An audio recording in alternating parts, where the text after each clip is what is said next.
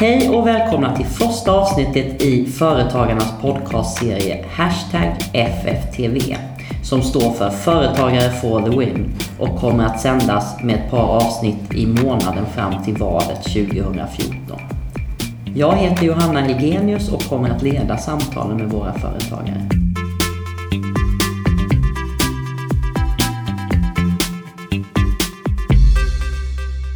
Hej, jag heter Hamid Rasioula och driver ett företag som heter Datanova Sweden AB.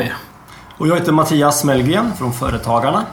Och vi ska prata idag med Hamid hur det kom sig egentligen att du blev företagare. Ja, det är väl väldigt speciellt. Eh, Det började omedveten eh, redan när jag var yngre. Och, eh, men redan vid 15 år då började mitt riktiga första företag. Vad gjorde du i det företaget? Då började jag sälja disketter som fanns förr i tiden. Och det var en väldigt bra kanal för då fick man kontakt med alla som höll på med datorer på den tiden. Men hur, jag tror att många kan tänka sådär att Åh, jag ska starta ett företag. Men hur kommer det sig från idén till att man faktiskt gör det? Ja, eh, jag har ju omedvetet lärt mig det mesta av min far som också är egenföretagare. Och eh, jag hade väl ingen plan att jag skulle bli företagare men jag har alltid gillat att sälja saker och, och teknik är också min andra hobby. Så att sälja och hålla på med datorer var en eh, väldigt bra blandning kan man säga. Kan du ge en, en, en bild på, på bara kort sammanfattning på ditt företag och, och, och som du har idag, den verksamheten som ni, som ni bedriver? Ja, vi har ju flera ben vi står på om man säger så. Men det viktigaste är att vi jobbar mot företag med service. Vi har fem tekniker som är ute på fältet och tar hand om företagens nätverk, problem, ja, allt möjligt som de kan behöva då. Och sen ben nummer två är en egen verkstad där vi reparerar och tar, hjälper kunders datorer. Och sedan är det webbhandel då. Säljer mot hela, hela världen egentligen tack vare internet. Det är väldigt populärt att prata om företagare och företagares villkor. Känner du igen dig i de berättelserna som, som när, det, när det diskuteras i riksdagen eller regeringen uttalar sig om vad företag, hur man ska få fler företag? Ja, en del, en del kan jag känna igen mig på. En del ligger lite högre upp. Kan du inte berätta lite, vad känner du igen dig i? Ja, sjuklönekostnaderna är lite jobbiga tycker jag som mindre företag. Eh, och sen eh, vad kan det vara mer som de pratar om? Arbetsgivaravgifterna och den biten då som man tycker är inte så roligt men man måste göra. Vad gör du när du inte driver företag? När du inte jobbar? Jag driver ju alltid företag i huvudet så sett men eh, annars är jag med familjen och jag tränar väldigt mycket själv. Det är väldigt bra att ge mig styrka för att klara stressiga dagar. Hur ser din familj ut? Jag har tre döttrar och en fru. Kommer, tror du, någon av dina döttrar kommer ta över din pappas företag? Jag vet inte, men jag tror det. det, det de, jag vill att de ska gå klart högskolan först.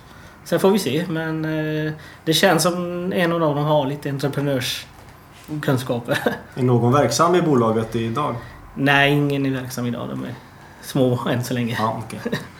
Du fick ju möjligtvis den här entreprenörsgenen lite i arv från din pappa. Men din pappa, hade han i sin tur en pappa eller mamma som Ja, var han- företagare? Nej, inte direkt vad jag vet. Hans far var revisor. Så, att, Mm. Så att, eh, jag tror att eh, det kommer nog mer från min far. Jag tycker det är intressant det här med du nämnde misstag förut och misslyckanden och så här. Och Jag vill gärna se det som något positivt så länge man lär sig av dem. Om du, om du tittar tillbaka på din, din karriär som företagare. Vilket är det största misstaget och vad var det du lärde dig av, av det? Ja, det finns ju många misstag man har gjort. Det största vet jag inte kan jag säga men ibland har man blivit lurad av eh, annonsskojare till exempel. Eh, Företag som har beställt och inte betalat så man har gått på den niten också. Eh, Kan vara anställda som inte skött sig som man har hoppats på. Eh, Leverantörer som inte heller hållit vad de har lovat. Så det är mer sådana här problem man har fått. Eller man har köpt reklam på fel ställen som inte var bra. Eh, Sen finns det alltid små misstag man gör här och var, men man lär sig. Och man blir starkare. Mm. Om du fick göra om en sak i ditt, eh, din karriär, vad, vad skulle det vara då? Och hur skulle du göra annorlunda? Ja, jag skulle nog... eh, Det är en hel del saker där också faktiskt. Som man kan göra, men... Nej, jag skulle nog anställa tidigare tror jag. Det hade gett mig en snabbare start. Så att man går på offensiv direkt. Är man själv och börjar så är man... Det blir för mycket så att man får inte den här eh, satsningen man vill göra. Hur lång tid tog det för dig att bygga upp företaget så du kunde leva på plocka ut en, en, en rimlig lön och leva på verksamheten? Ja, det tog nästan... Det kanske har gått tidigare men jag tillät inte mig göra det men det var nog eh, efter fem år som jag började ta första riktiga lönen.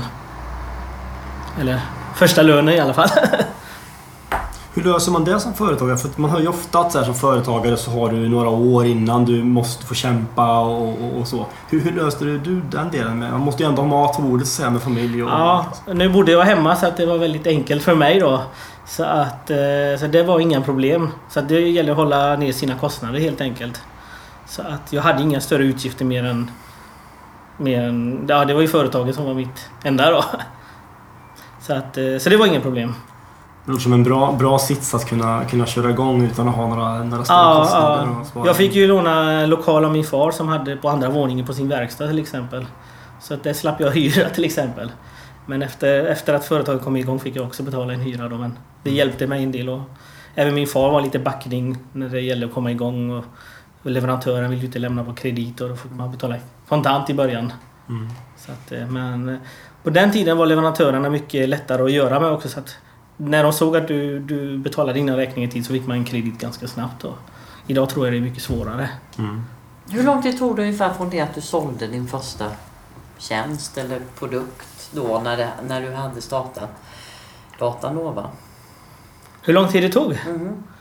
Ja, det, det var ju redan igång när jag startade företaget. Så att det, det gick nog det ganska snabbt kan man säga. Eh, Men första halvåret var ju ganska trögt.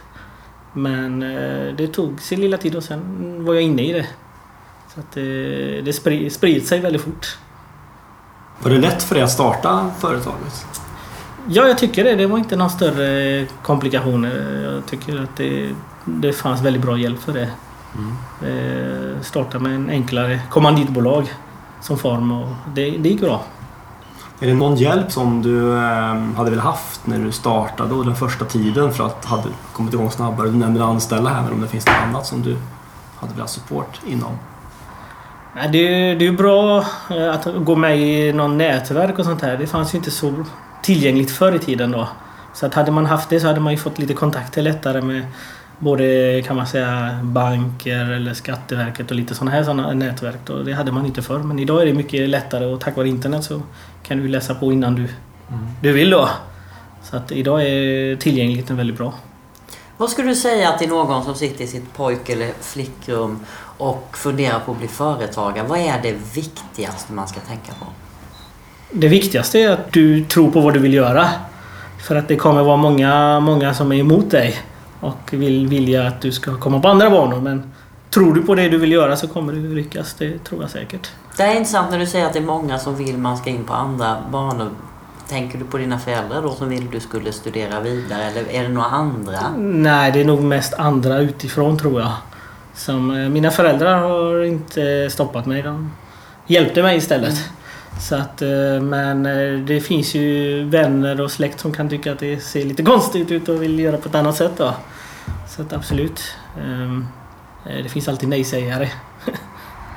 Om du får ge topp tre tips till den som funderar på att starta eget företag där ute. Vad, skulle de tre favorittipsen från Hamid vara? Ja, det är väldigt viktigt att tänka igenom sin idé och kolla upp konkurrenterna konkurrensanalys och se över vad är det de har missat och erbjuda den tjänsten till exempel. Så att du inte erbjuder samma sak för då, då blir det inte så mycket nytt då. Och eh, vad kan vara tredje? Ha långsiktig plan. Ha inte för bråttom. Och eh, tänk alltid på kostnaderna. Håll låga kostnader. Det tror jag är väldigt viktigt. Du är verksam företag ligger i Angered utanför Göteborg. Och är du, skulle du säga att du är ett lo lo lokalt företag i det att ni har väldigt mycket, har ni lokal, era kunder, är de mest från området eller har ni kunder från hela Göteborg med omkrets? Eller Ja, vi, vi är väldigt starka lokala. Är vi, vi har de flesta företag i området som kunder. Men vi har även kunder i hela Göteborg. det har vi absolut. Men eh, fokuset är lokalt. Det är där vi kan ge våra kunder bästa service. Eh, Så att absolut, eh, local is business som jag säger. Vi pratar lite om det här med, med politiska delen för det. Är det någonting som du tycker att den här frågan är, är viktig för mig som inte belys idag för att du skulle kunna växa? Vad, vad saknas från ett politiskt håll så att säga i, i frågor eller system eller lagar eller regler eller så som... Det, det, när det är med mindre företag så är det ju det här med personal och sjuklönekostnaden den tuffaste. Så att när någon blir sjuk så kostar det ju företaget fortfarande. Och man måste ju ersätta den platsen med någon. Och det är inte det lättaste alltid om man har mycket att göra. Då tappar man hastighet. Så där hade jag velat se lite mer fokus. Hur eh, vi mindre företag kan få hjälp eller få ner kostnaderna för det. Det är väl det jag kan tänka mig just nu i alla fall. Mm. Vad är nästa steg för ditt företag? Nu har du kommit till en nivå här och hur, hur planerar du att ta det vidare fram, fram egentligen? Ja, vi försöker ju... Vi jobbar på att vi ska bli nummer ett i Göteborg i alla fall i första hand och vi har öppnat nya filialer. Så att vi, Angered har vi varit så många år så att vi klar, det finns ingen mer kan man säga ökad volym där. Så vi har öppnat eh, närmare stan i Göteborg, Gårda. Och sen har vi även öppnat i Eriksberg för tre år sedan. Så där börjar det rulla och det nya gårdar då. Så att vi expanderar lite lokalt i områdena. Är vår nästa. Och när vi har klarat oss dessa så får vi se nästa. Mm. Plan. Då, då äger ni, du äger liksom alla de här Jajamän. äh, ställena? Ja, det är inte Jajamän. någon sån här franchise? Nej, nej, nej. Det är vårt egen. Mm. Vi vill behålla det som egna. Det, det känns mer... eh, Mer eh, stabilt kan man säga. Du har 12 anställda idag. Berätta du, hur många anställda skulle du vilja att du har om fem år? Oj, det är väldigt svårt att svara på. Men eh, det är inte omöjligt att vi kan vara runt 30. Det tror jag är inte omöjligt. Men eh, det beror på hur marknaden fungerar och så då. Men vi hoppas öppna en filial vart tredje år egentligen. Du verkar ha en väldig drivkraft, det märks när man pratar med dig. Vad, vad är det som är din drivkraft? Vad, vad är det som driver dig framåt? Ja, jag, jag, jag älskar ju företagande. Det är roligt. Och sen är det ju det här utmaningar. Det Jag vill lösa problem, jag vill gå framåt hela tiden. Så att eh, det är väl min drivkraft. Så att eh, bygga upp någonting. Och jag har ju hållit på med det här i 20 år så att jag har bara kommit några trappsteg upp. Vad tror du du hade gjort om du inte hade varit startat ett företag? Då hade jag eh, jobbat någonting inom teknik i alla fall. Det tror jag helt säkert. Eh, men jag har svårt att tro att inte jag skulle vara företagare. Om vi gör det enklare då. Om du fick starta ett nytt företag i en helt annan bransch. Du får inte välja din bransch. Vilken bransch skulle du göra inom då? Då är det bioteknik. Varför Eh. bioteknik? Det är spännande och det är framåt. eh, Liksom det, det känns mycket high-tech idag. Nu är inte IT så high-tech längre. Om man säger så. Jag trodde du skulle säga sport. Du sysslar mycket med idrott har jag läst. Ja, ja. Kan du berätta lite mer om det? Ja, jag har ett eh, annat företag som heter Military Fitness. Och det är eh, träning för vanliga militärinspirerad träning för vanliga människor. Och det är en ganska rolig träningsform. Man är ute och tränar i den fria skogen. Och springer och gör armhävningar, sit-ups och lite i grupp. Så man är tillsammans också. Och eh, pushar varandra, hjälper varandra. Och det är en väldigt, eh, kan man säga, öppensinnlig träning. Som man mår mycket bra av tycker jag. Har du eh, anställda i det företaget? Eh, Vi har än så länge bara en anställd. Sen har vi lite instruktörer som är teamanställda. Det har vi. Och hur många kunder rör det sig om som gör det? Vi har eh, runt 500 medlemmar. Mm. Så att, vi öppnade första gym här i januari också. Inomhusträningsgym. Crossfit-inspirerad som det heter idag. Och det är ett gammalt militärförråd. Som vi gjort om till ett bunker som vi kallar det. Så det är inte, inte som vanliga gymmen rent och fint. Det här är smutsigt, asfalt, grått. Och det, det är det som är det häftiga idag. Det, det, det är väldigt spännande. Men när, när startade du? Du startade det här rätt nyligen, det här företaget. Ja, jag startade inte det. Det, det är före detta poliser och militärer som startade. De startade det 2000, ska vi se här. Fem tror jag det var de startade. Jag gick med, för jag började träna med dem. Och, eh, men de är inte IT-kunniga och företagkunniga heller riktigt. Så de sa att vi behöver hjälp med någon som kan det här med företagande och IT. Kan inte du komma med och bli delägare i företaget? Och den vägen blev det då. Så det har ju blivit min... Eh, och I och med att jag kan företagande så var det inte så svårt att kopiera och göra samma sak där och hjälpa dem med likviditet, kunder, och planering, marknadsföring, hela den biten då. Är du fortfarande delägare? Eller? Och så, så ni, hur, hur är den stora skillnaden att, att ha ett företag som verkligen är ditt från grunden, som du har byggt upp, du äger själv. Till skillnad från ett företag där du har blivit ombedd att gå in som delägare, där ni fattar gemensamma beslut om företagets Mm. framtid. Ja, det, det, det är roligt är det, men givetvis är det jobbigt att inte veta allt. Jag är van i mitt företag att veta allt, kunna allt och vad som händer. Med det företaget så har vi en VD och vi har andra som sköter det här också. Så jag har inte koll på allt som händer där.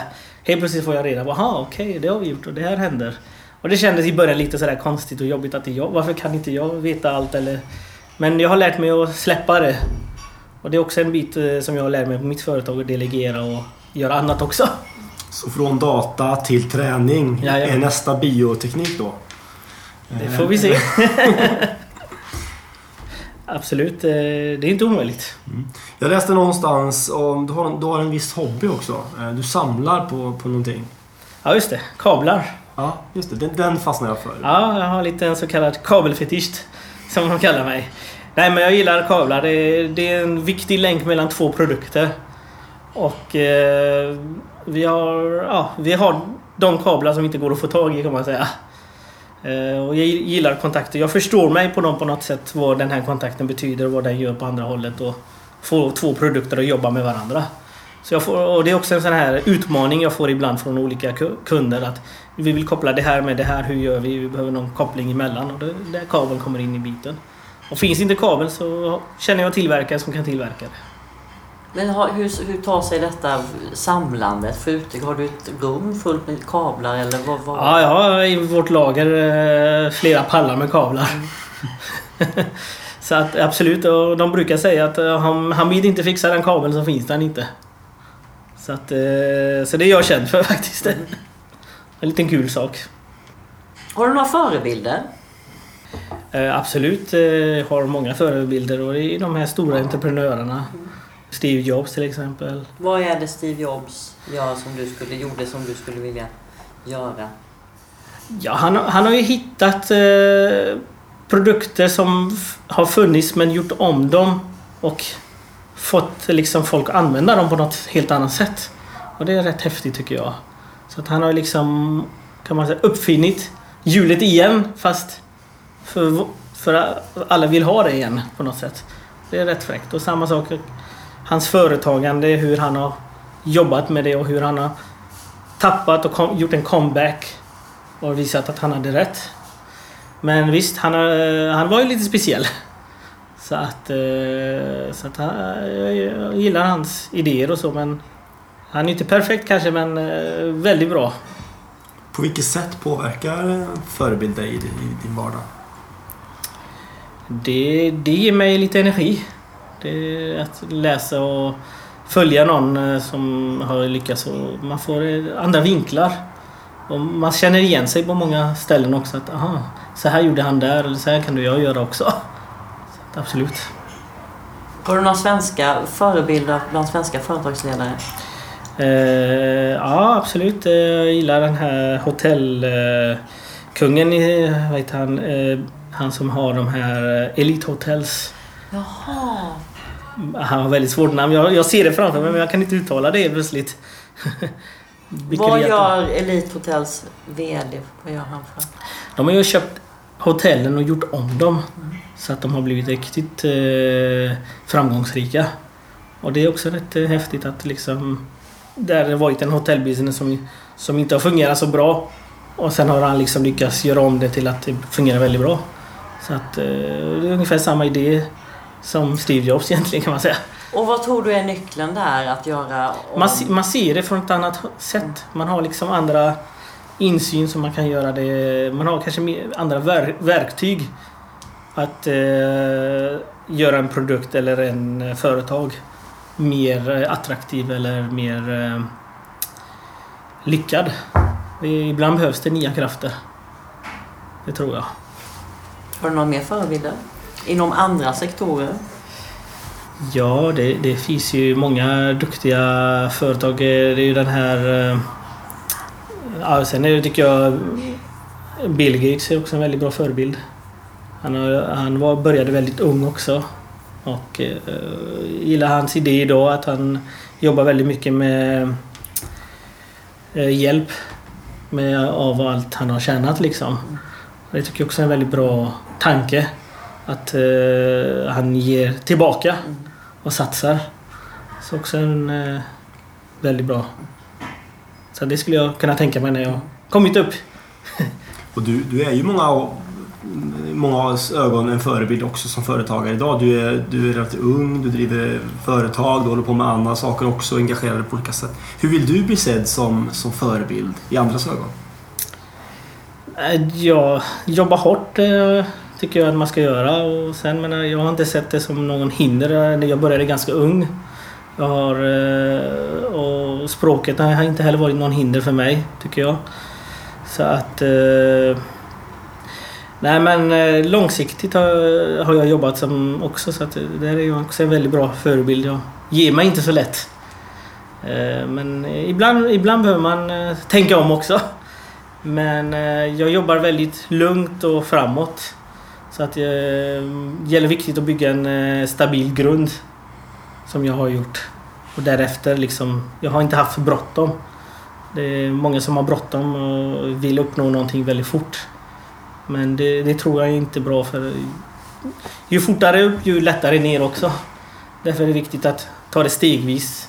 Uppåt då är man mycket stabilare och kommer man inte ner så lätt. Kan jag tänka mig. Det finns ju också en sån tanke om vi återkopplar här till att du sa det här att ge tillbaka. Det finns ju många som pratar just inom näringslivet, pratar om sociala företag. Att företagen inte bara är själva det man säljer eller producerar i tjänster utan att man också är något annat. En värderings, värderingsgrund. Man är aktiv i det lokala samhället och man är en del av det. Hur, hur ser du, du på det i din roll idag? Om vi tittar idag på Data, Data Nova. Du menar socialt? eh, Ja, jag menar mer liksom eran roll i... Och det kan ju vara i stadsdelen i Angered. Mm, ja. hur ni... Jo, jag, jag, jag fungerar ju som mycket förebild och jag har varit ute på skolorna lokalt och varit där och berättat min historia och där sitter killarna som går till exempel i skolan i förorten och som inte tror att de har någon framtid. Och då kommer jag livslevande som har gått i den skolan, jobbar i det området och har lyckats. Mm. Och det brukar de bli liksom lite häpna över att aha, det går verkligen. Och, eh, så det, det, det, har, det är alltid roligt att gå ut och få dem en, eh, en annan bild av det hela. Så att, eh, för många tror inte att det går att lyckas om man går i förorten och eh, bor där eller det krävs att gå en bra skola för att lyckas. Och, så det, det har jag hållit på med många föredrag. Och sen är jag aktiv i lokala för, företagsföreningen också. Så, att, så jag vill ju att också att området ska växa och eh, både för företagen och person, personer som bor där. Så, att, eh, så det, det, det jobbar jag väldigt mycket med. Kan du känna igen dig hos de här unga som du träffar och talar inför? Att du hade samma tankar som de går runt på? Eller är det någon skillnad idag mot hur det var när du var i den åldern? Det är väldigt stor skillnad tror jag. Det är det. Ja. Jag eh, hade ju min plan så att jag tänkte aldrig på det. Faktiskt eh, på den tiden. Eh, så att eh, jag såg inte det som någon hinder att starta igång i Angered då. Jag vet att det var många som frågade varför öppnar du inte in i centrala Göteborg eller någonting. Men jag tänkte, jag har växt upp här, jag kan området, jag har folk som känner mig här. Jag satsade här och det har aldrig varit någon hinder. Har du en bra tjänst och en rätt pris så kommer kunderna vart du än är. Så att jag har ju sålt till stora företag i Stockholm som har köpt från mig. Liksom, det har inte varit någon hinder fast det finns många konkurrenter här i Stockholm som du kan sälja lokal till. Mm. Men eh, har du någonting som är bra och folk gillar dig och du har rätt pris så kommer de vart du än är. Så jag ser inte det som något problem. På vilket sätt, eh, du nämnde var annorlunda idag mot hur det var när du gick i skolan. På vilket sätt är det annorlunda? det, det är väl tuffare eh, miljö nu tror jag. Det, det tror jag. Eh, det, det känns inte som det är på samma sätt som det var då. då. Men jag kanske inte hade, hade den fokuset heller eller förstod inte, såg inte de problemen som det var då. Idag, idag känns det som det är lite mer större kan man säga. Skolorna är, är inte samma kvalitet, det är de inte kanske heller. Så, att, eh, så det har tappat väldigt mycket. Det var mer... Eh, det var mycket satsning på det här med eh, företagande även i skolorna då när jag gick där, kommer jag ihåg. Man hade liksom en speciell ämne för det och så. Idag vet jag inte om det finns idag eller så. Men eh, jag tror det är också väldigt mycket konkurrens genom skolorna idag än förut med friskolor och allt det här som har gjort också att det har blivit mer segregation. Som inte är så bra. Många pratar, ju- pratar just om hur vi ska möta den stora arbetslösheten främst bland unga. Är, tror du att det vore ett alternativ om fler startade företag? Eh, ja, absolut. Det, det tror jag. Det, det skulle vara väldigt bra, tycker jag. Kan alla bedriva företagsverksamhet? Både ja och nej. Vissa kanske är födda för det och vissa måste få en vägledning. Men alla är ju säljare inom sig. Är man säljare så kan man driva ett företag, tycker jag. Och man är ju säljare hela tiden. Man, man säljer till sina föräldrar, sina kompisar, sina vänner. I, på ICA också. Man kanske inte säljer varor men man, man, man ska sälja någon tjänst eller man ska få någon att göra någonting. Och då är det en, eh, kan man säga, en transaktion för mig. Tycker jag. Så, att, eh, så jag har ju alltid sett varje person jag har träffat att det är en blivande kund. På något sätt. Så att, eh, nej men möjligheten finns för alla, det tror jag säkert. Absolut. Du har ju anställda idag, 12 stycken nämnde du. Eh, Kommer de också från, från Angered då? Eller ser du någon, anställer du aktivt eh, i, i när, vänner eller närområdet? Eller hur, hur Ja, du det, det är väldigt mycket lokalt. Det är det faktiskt. Eh, Det, det är väl någon lite längre bort men jag jobbar väldigt mycket med Arbetsförmedlingen lokalt. Så att de känner väl till mitt företag och de vet exakt vad jag behöver.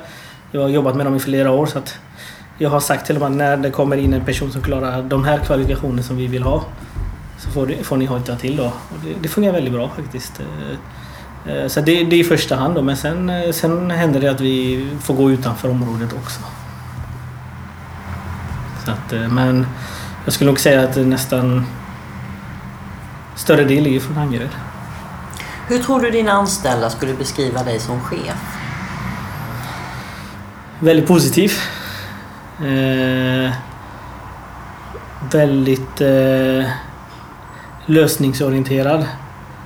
Eh, ja, vad skulle man säga mer? Eh, optimist är jag väldigt ibland. För optimist. eh, väldigt schysst. Och eh, väldigt eh, affärsmässig också. Skulle jag nog kunna... Några i alla fall. Du har ju varit företagare ett par år. Vad, vad är det roligaste med att vara företagare? Oj, det, det skulle ta flera timmar att berätta. Nej men eh, det roligaste jag tycker i företagen är, det, det är utmaningen. Det är hela tiden och man gör... Den branschen jag jobbar med och företagen gör ju att det, man gör inte samma sak hela tiden. Alltså man, arbetssättet är detsamma men man hela tiden säljer nya tjänster, nya sätt, nya problem. Och eh, det är alltid roligt att få en ny kund, man kan säga erövra en ny kund eller så att, eh, och sen finns det ju... Man gör bra affärer så det är alltid roligt. Ibland kan man göra misstag och så får man lära sig att göra om det och göra rätt. Så det är hela den här processen och jobba med så att, eh, och friheten också samtidigt. Att eh, man är inte låst till någonting. Att så här kan man inte göra så. Det, har vi bestämt att vi vill göra på det sättet så gör vi det. Vi vill göra på ett annat sätt så kan vi lätt. Man är mycket mer flexibel. Känner jag. Så att, eh, jag har ju aldrig varit anställd för någon. Så att jag har inte riktigt eh, haft möjlighet att jämföra heller men... Eh, men jag tror inte jag kan vara anställd idag. Jag är förstörd som jag säger jag kommer jobba för mycket eller så kommer jag jobba väldigt på, på eget sätt. Absolut. Går det att ha fritid Absolut. när du är företagare? Det, det går att ha det. Det, det gäller, att, gäller att vara bestämd för det.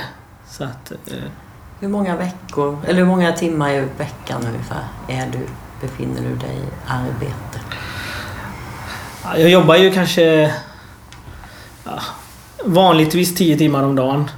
Kanske i värsta fall 12 timmar om dagen då. Så att, eh, men jag brukar, eh, brukar få en 3-4 timmar ledigt i alla fall. På något sätt. Och sen är jag ledig lördag, söndag också oftast. Eh, Ett tag började jag jobba väldigt mycket på lördagar men det har jag tagit bort.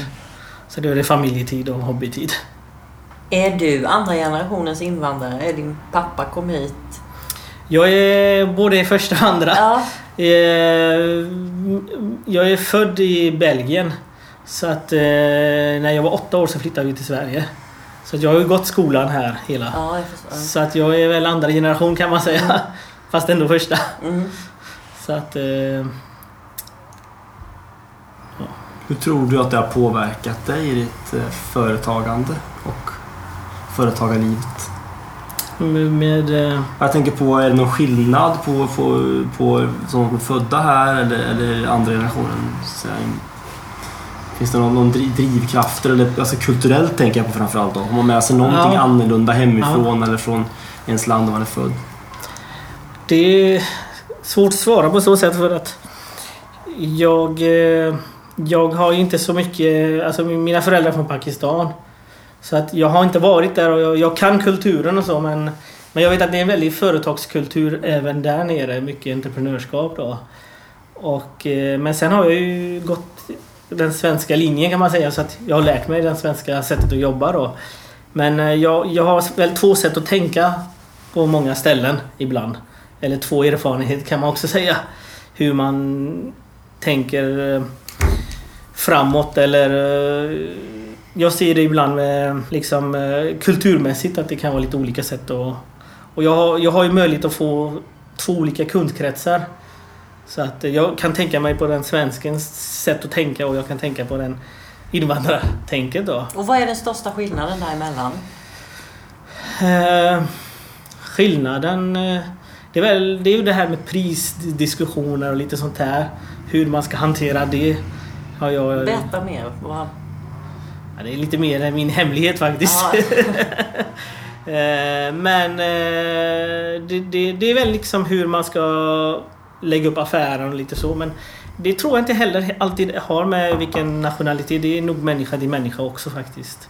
Så att eh, hur man jobbar med det. Mm.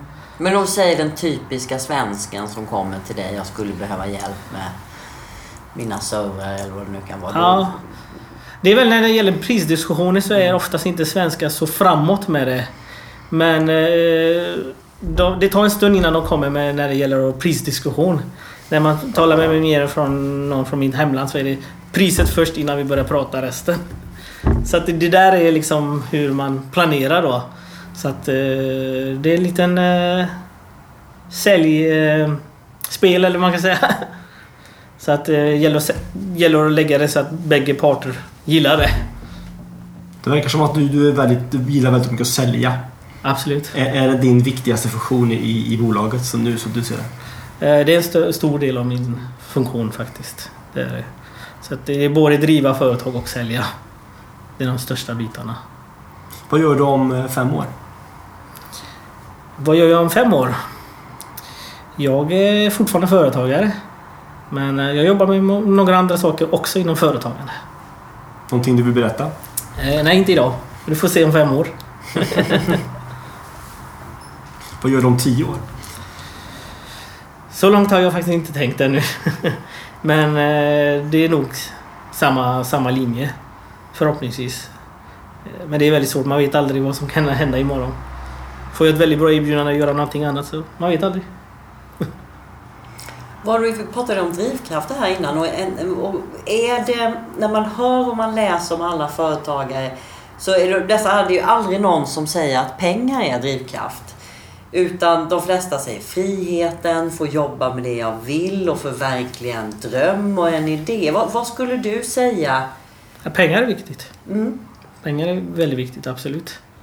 Så att eh, det beror på liksom eh, hur, eh, hur, hur du ser det men det, det är ett viktigt bränsle. Utan det kan det bli lite tufft men det har inte varit viktigt från, för mig från början. Det, det var inte den drivkraften men det är ju absolut roligt att tjäna pengar. Det vill man ju. Så det, det, det måste man som företagare. Har du någon gång funderat på att sluta vara företagare? Det har varit sådana perioder ibland faktiskt. Jag har tänkt att nej, jag orkar inte med det här. Ska ta en anställning? Och så började jag tänka på vad skulle jag göra som anställd? Och då har jag känt nej. Jag skulle göra samma sak ändå så det är lika bra att fortsätta.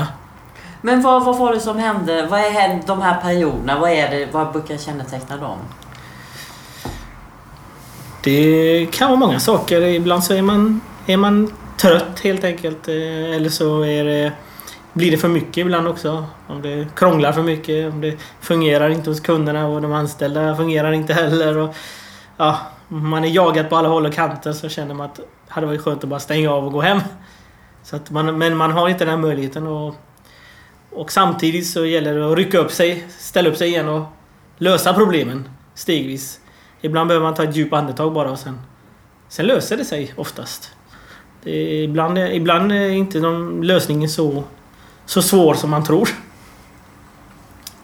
Vad är den största utmaningen eh, just nu? Vi pratade förut, förut om vad det roligaste är. Men Ja. vad är den största utmaningen? Och det svåraste kanske att driva företag? Det, det är ju oftast är det ju det här med ekonomi och få det att gå runt alltid. Det, det är inte alltid det lättaste.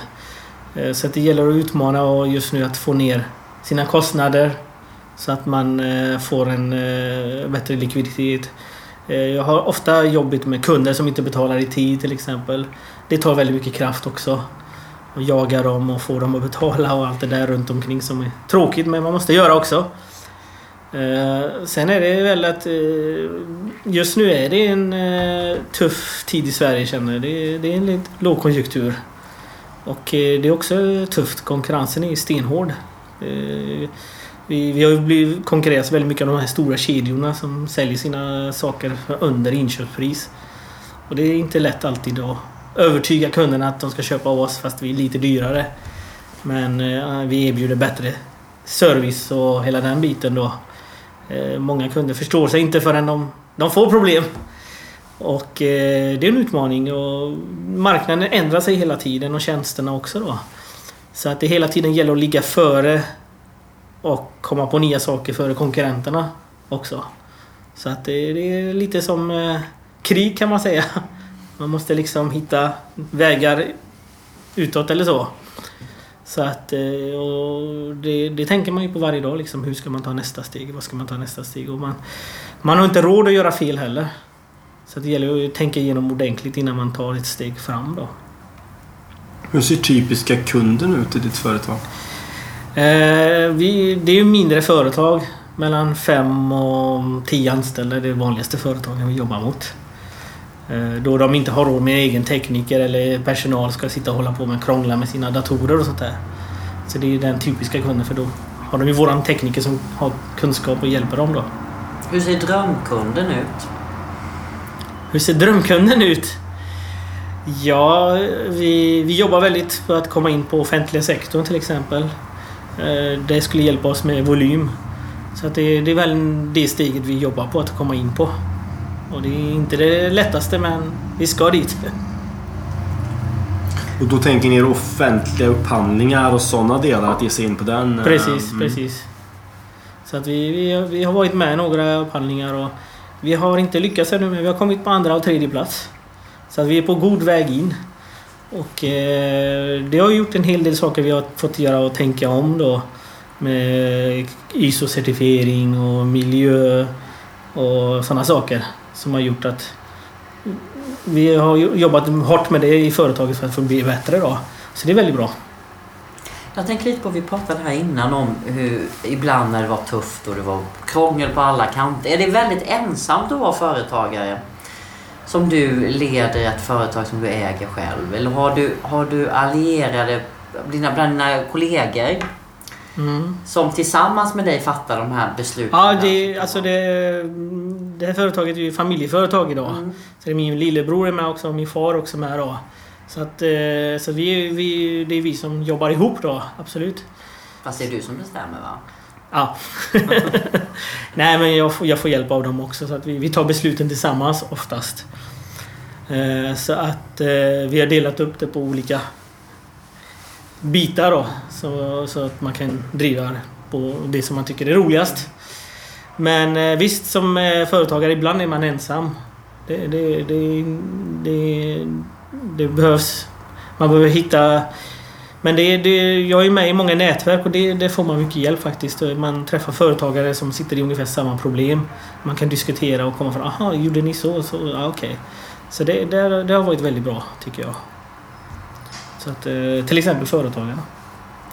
Så att, eh, där, där träffar jag många likasinnande också. Så att, eh, så att man får en bra kontakt när man kan ringa dem och hur gjorde du det med det problemet och så. så att, det behöver inte vara i samma bransch, det kan vara olika branscher. Men problemet är ungefär samma. Eh, familjeföretag, eh, positivt, negativt? Tankar om det? Mest positivt tycker jag. Det, det, det är väl eh, olika. Jag, menar, jag vet, det kan vara svårt för många men för mig har det varit jättebra. Eh, Jag och min bror jobbar väldigt mycket ihop och på jobbet är vi professionella. Men efter arbetstid så är vi bröder. Då bråkar vi och håller på. Så att, eh, nej men det, det har fungerat väldigt bra tycker jag. Och det, det tror jag är väldigt svårt. Det är inte lätt alltid. Men eh, Vad jag blir nyfiken på, vad hände med din pappas bilverkstad? han driver den fortfarande. Ja, så han har den också. Så att han har sitt företag eh, och en ganska stor verkstad med många anställda också. Mm. Så, att, eh, så den eh, rullar på. Fler syskon? Nej, Nej. det är jag och min bror. Vi pratade här lite om, om, tidigare om hur det var att rekrytera anställda. För många upplever ju det när man just rekryterar sin första anställda att det är ett sånt stort ansvar man tar på- på sig med att någons lön och familjeekonomi kanske ska göra det. Hur, hur, hur känner du? 12 anställda, då känner du ändå de Ja, det människorna är, rätt det väl? är mycket ansvar, absolut. Det är det ju. Det, det, är- när man tar ett beslut som, som har med anställda att göra så är det inte bara den personen. Det är, det är eh, både hans familj och så då. Och, eh, jag brukar... Jag har ju två sidor som jag säger. Jag måste tänka... Ett är det privat Hamid. Det är så personliga och sen är det företagarmässigt då. Liksom eh, för företags bästa då. Och ibland får man ta sådana beslut som man inte själv skulle vilja göra men man måste. Så att, eh, och det är inte alltid det roligaste eller lättaste. Men eh, jag måste tänka på företagets bästa. Ibland får man göra ändringar och sånt som man... Men det är väl ändå nästan eftersom som vi får uppfattning här att du är en väldigt tydlig lokal profil i Angered. Både som arbetsgivare, som företagsledare och som, som, som säljare och i de här olika rollerna. Är inte, kan inte det också vara en liten risk här, om man just om man anställer väldigt många jobb kom, kommer bo i dina grannar och vänner och så nästan som du har? Så, Ja visst, det, det, det är risk alltid. Det är det. Det, det har det. Men eh, på något sätt så har jag varit en bra människokännare. Så jag har fått rätt folk. Och det, det har fungerat alltid bra. Så jag har inte haft några större bekymmer eller problem på den fronten. Eh, jag brukar eh, alltid eh, ha varit med hela processen när jag anställer en person och lära känna honom och titta och, och, och det tar en tid innan liksom jag bestämmer mig. Men det, har, det har faktiskt fungerat väldigt bra tycker jag. Bästa rekryteringstips måste man ju ta upp då när du säger att du har lyckats bra, 12 anställda, du har inte haft problem med, med du har lyckats ganska bra i den och inte tagit in något externt företag. Vad, vad kan du ge för tips till, till andra företagare som vill anställa där ute? Eh, ja, det, det, det är svårt att säga så här rakt här men i min bransch så håller man på med datorer och IT. Så att när, när, när den personen inte håller på med det på sin fritid så brukar jag ha ett minustecken för det. Det är viktigt för mig att han ska gå hem och fortsätta spela spel eller hålla på att han fortsätter utveckla sig. Så säger jag att han håller på med fotboll eller annat sånt så är det ett minus hos mig. Så att det är väl olika för olika branscher men eh, det är viktigt att den du anställer har eh, djupt intresse att göra det du, han ska jobba med. Annars blir det inte så roligt för honom heller. Tycker jag i alla fall. Det är en, en tips från mig. Är det något mer du vill säga till den som nu funderar på att starta ett företag? Nej, det, det, det viktigaste att starta företag är att tänka på utgifterna och kostnaderna. Börja inte storslaget med en gång. Börja stegvis. Så att när inkomsterna kommer, börja satsa därefter då. Det är nog det viktigaste alltid som företag. Är det något i din karriär som företagare du skulle vilja ha gjort ogjort? Något du ångrar? Nej, det har jag inget. Jag är nöjd med det jag har gjort. Vi, vi vet att du inte vill eh, nämna namn på dina kunder och sådär. Men finns det någon, någon kund och någon, något, något sånt, någon historia som du är väldigt stolt över som, är, som du kan ta och berätta? Ja, det finns många historier men eh, en intressant historia är ett större företag med 200 anställda. Där deras nätverk havererade en eh, lördag. Och fabriken stod stilla. Och så ringde datatekniken till mig på en lördag. Och jag hade barnkalas hemma och han förstod det. Men han sa Hamid vi behöver din hjälp. Och jag sa det är inga problem. Så jag åkte dit med nytt nätverkskort och de var igång. Och det är en grej som den kunden aldrig glömmer. Och det, det är en riktigt kul grej som, som man kan gjort lite annorlunda för sina kunder. Var, det vägen in på det stora företaget? Eh, Det var verkligen dörren öppning, dörröppning för mig. Och hur lång tid investerade du en lördag på att komma in på den här En halvtimme. halvtimme ja. Det är bra. Vad sa barnet då? Var det okej? Ja, hon var så liten så hon förstod nog inte det än. Så. Men eh, frugan tittade lite snett på mig.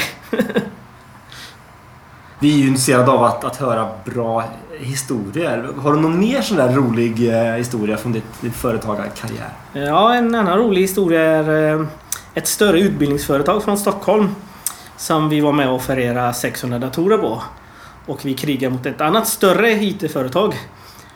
Och eh, vi, eh, vi, eh, vi... Vi låg eh, 1000 kronor dyrare än konkurrenten. Så det, det, var, det var rätt kul, men det visste inte konkurrenten. Och i sista minuten så gick han ner 2000 kronor. Och då blev min kund lite arg. Varför går ni ner nu när ni kunde ha lagt ett bättre pris från början? Och eh, istället för den konkurrenten fick affären så fick vi affären. Och eh, då fick vi, sålde vi 600 datorer till OMSI och det är något man aldrig glömmer. Och det roliga är att konkurrenten efter cirka fem månader gick i konkurs också. Så, att, eh, så det var bra val av kunden. Du pratade om att det var stenhård, det är ju stenhård konkurrens, konkurrens inom er bransch. Kan du, vad har hänt med dina konkurrenter i Angered? Finns de kvar eller har de, är det flera som har... Nej, när jag började så fanns det faktiskt fyra dataföretag i Angered. Och eh, en efter en har försvunnit. Vad tror du utöver det att, att, att konkurrensen från dig har varit hård? Vad tror du, vad tror du gör att en del inte lyckas fortsätta med sina företag? Eh, Det är väl... eh, Det, det kunderna är ju den viktigaste tillgången. Och eh, ser man inte till att kunderna är nöjda så förlorar man kunderna och då tappar man. Vi pratade här tidigare om, om eh, dina relationer med Arbetsförmedlingen och sådär. Och jag förstår inte, hur, hur, hur många, om du hade hittat rätt pers- personer, hur, hur många skulle du kunna anställa? Nej, det är, det är alltid öppet. Tekniker är alltid bra att ha. Så om, du, om vi skulle presentera en, en lämplig kollega, ny kollega till dig, skulle du kunna anställa den Absolut. personen? Och ha arbets... Jajamän, är har arbete för det. En riktigt duktig tekniker. Stort tack! Ja, tack. Tack så mycket.